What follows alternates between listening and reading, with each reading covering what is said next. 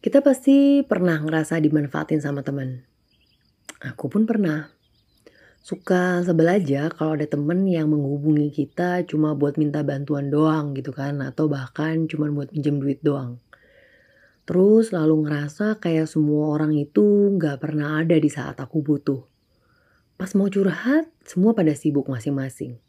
Pas lagi butuh bantuan, gak ada yang bisa dihubungi.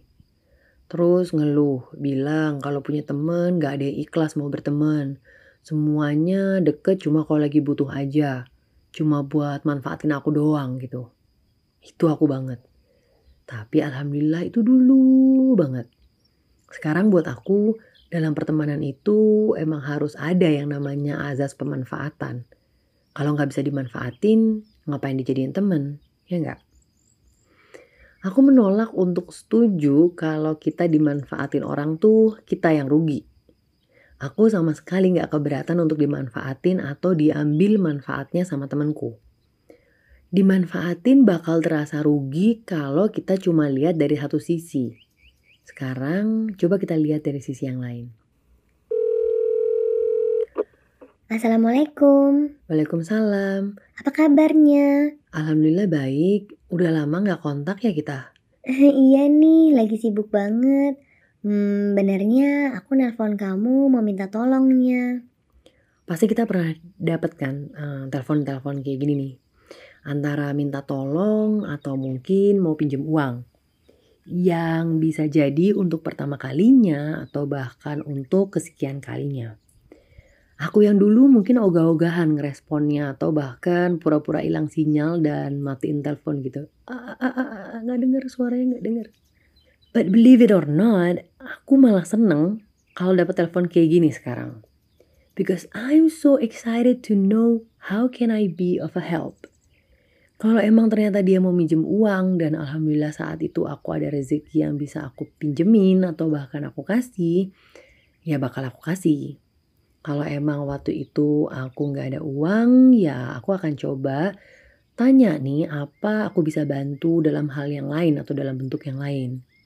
Atau kalau ternyata dia butuh bantuan yang emang aku mampu dan bisa untuk bantu, dia bakal aku usahain sebaik mungkin. Karena bisa jadi bulan itu sedekah kita kurang. Jadi Allah kirimkan teman kita yang udah lama gak kita dengar kabarnya itu sebagai jalan buat kita untuk bersedekah atau meringankan bebannya dalam bentuk rezeki berupa uang. Kalau emang saat itu kita nggak bisa bantu dalam bentuk uang, coba tawarkan apa kita bisa ngasih bantuan dalam bentuk yang lain. Pikiran atau tenaga mungkin. Jangan juga memaksakan diri untuk minjemin uang padahal kita nggak ikhlas. Yang ada akhirnya malah nanti kesel sendiri kalau ternyata dia nggak bisa balikin uangnya. I learned it the hard way. Aku punya sahabat SMA, sebut aja namanya Imbut. Panggilan sayangku buat dia. Dia ini pas SMA jadi bendahara di geng WP kita gitu. Bukan, bendahara di sini tuh bukan sebagai orang yang megang dan mengelola duit kita ya. Tapi sebagai orang yang paling sering banget diutangin. Parah banget deh kita dulu emang. Total nih selama kita berteman tiga tahun itu ya selama SMA hutangnya tujuh orang di WP ke dia tuh mungkin ada kali sampai hampir 10 juta. Bayangin, zaman tahun 2004 sampai 2006 loh gitu.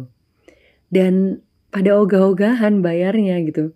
Ya namanya anak SMA ya. Tapi lucunya imut ini selalu aja mau diutangin gitu walaupun suka ngomel-ngomel karena nggak ada yang punya niat buat bayar gitu.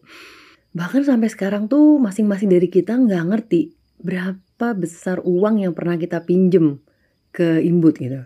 Kita tuh sering bercanda. Kalau kita mau bayar semua utang kita dulu nih sekarang, udah berapa itu bunganya kalau minjem di bank? Sampai detik ini pun dia masih teman baik loh sama kita dan sama sekali nggak pernah ngerasa kita tuh temenan sama dia hanya karena mau manfaatin uangnya doang.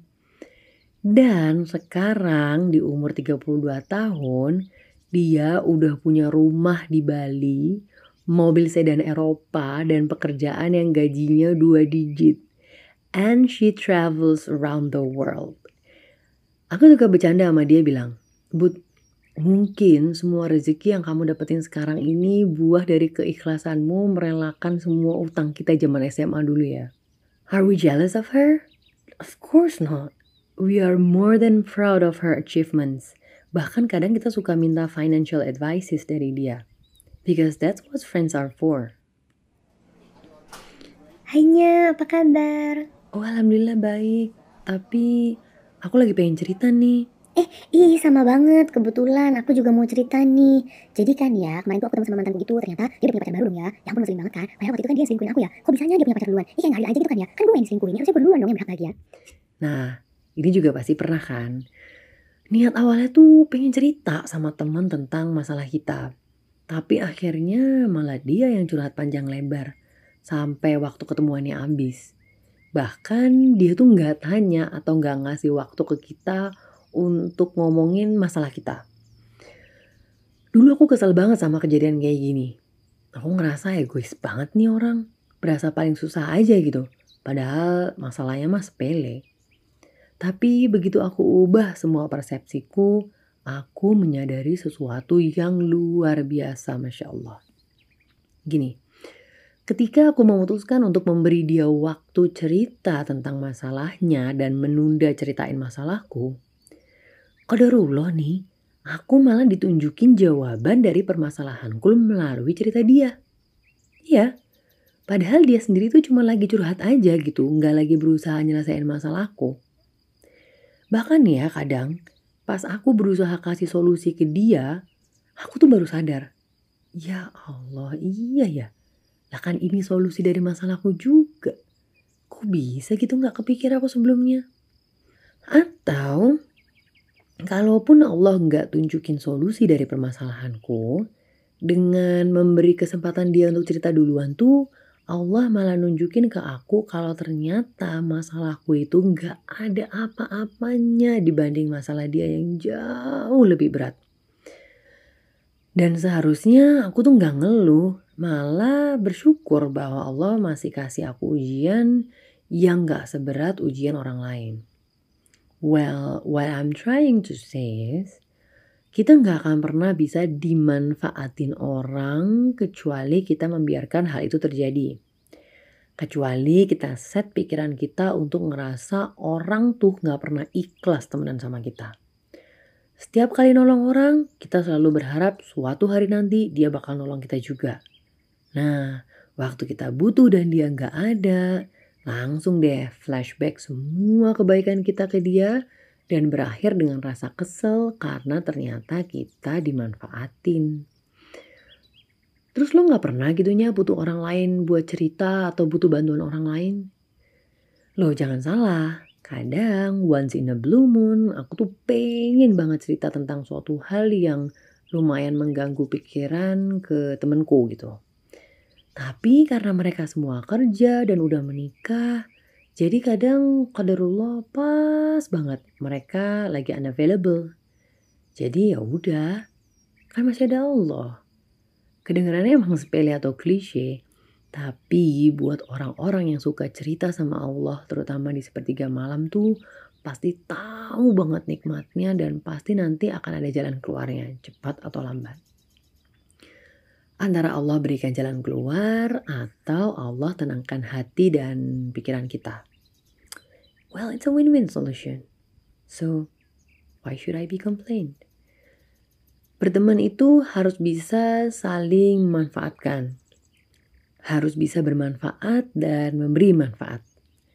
Latih terus diri kita untuk bisa jadi yang terus memberikan manfaat, yang terus bisa dimanfaatin sama temen. Masalah nanti kalau kita susah nggak ada yang bantu, tenang. Karena ada Allah. Kuatin doanya supaya kita nggak perlu sampai butuh banget sama bantuan orang lain. Cukup Allah satu-satunya penolong dan biar Allah yang tunjukkan ke kita melalui apa dan melalui siapa pertolongan Allah itu datang. Berdoa supaya keberadaan kita di dunia ini bisa selalu memberi manfaat bagi banyak orang baik dari segi materi, tenaga, maupun pikiran.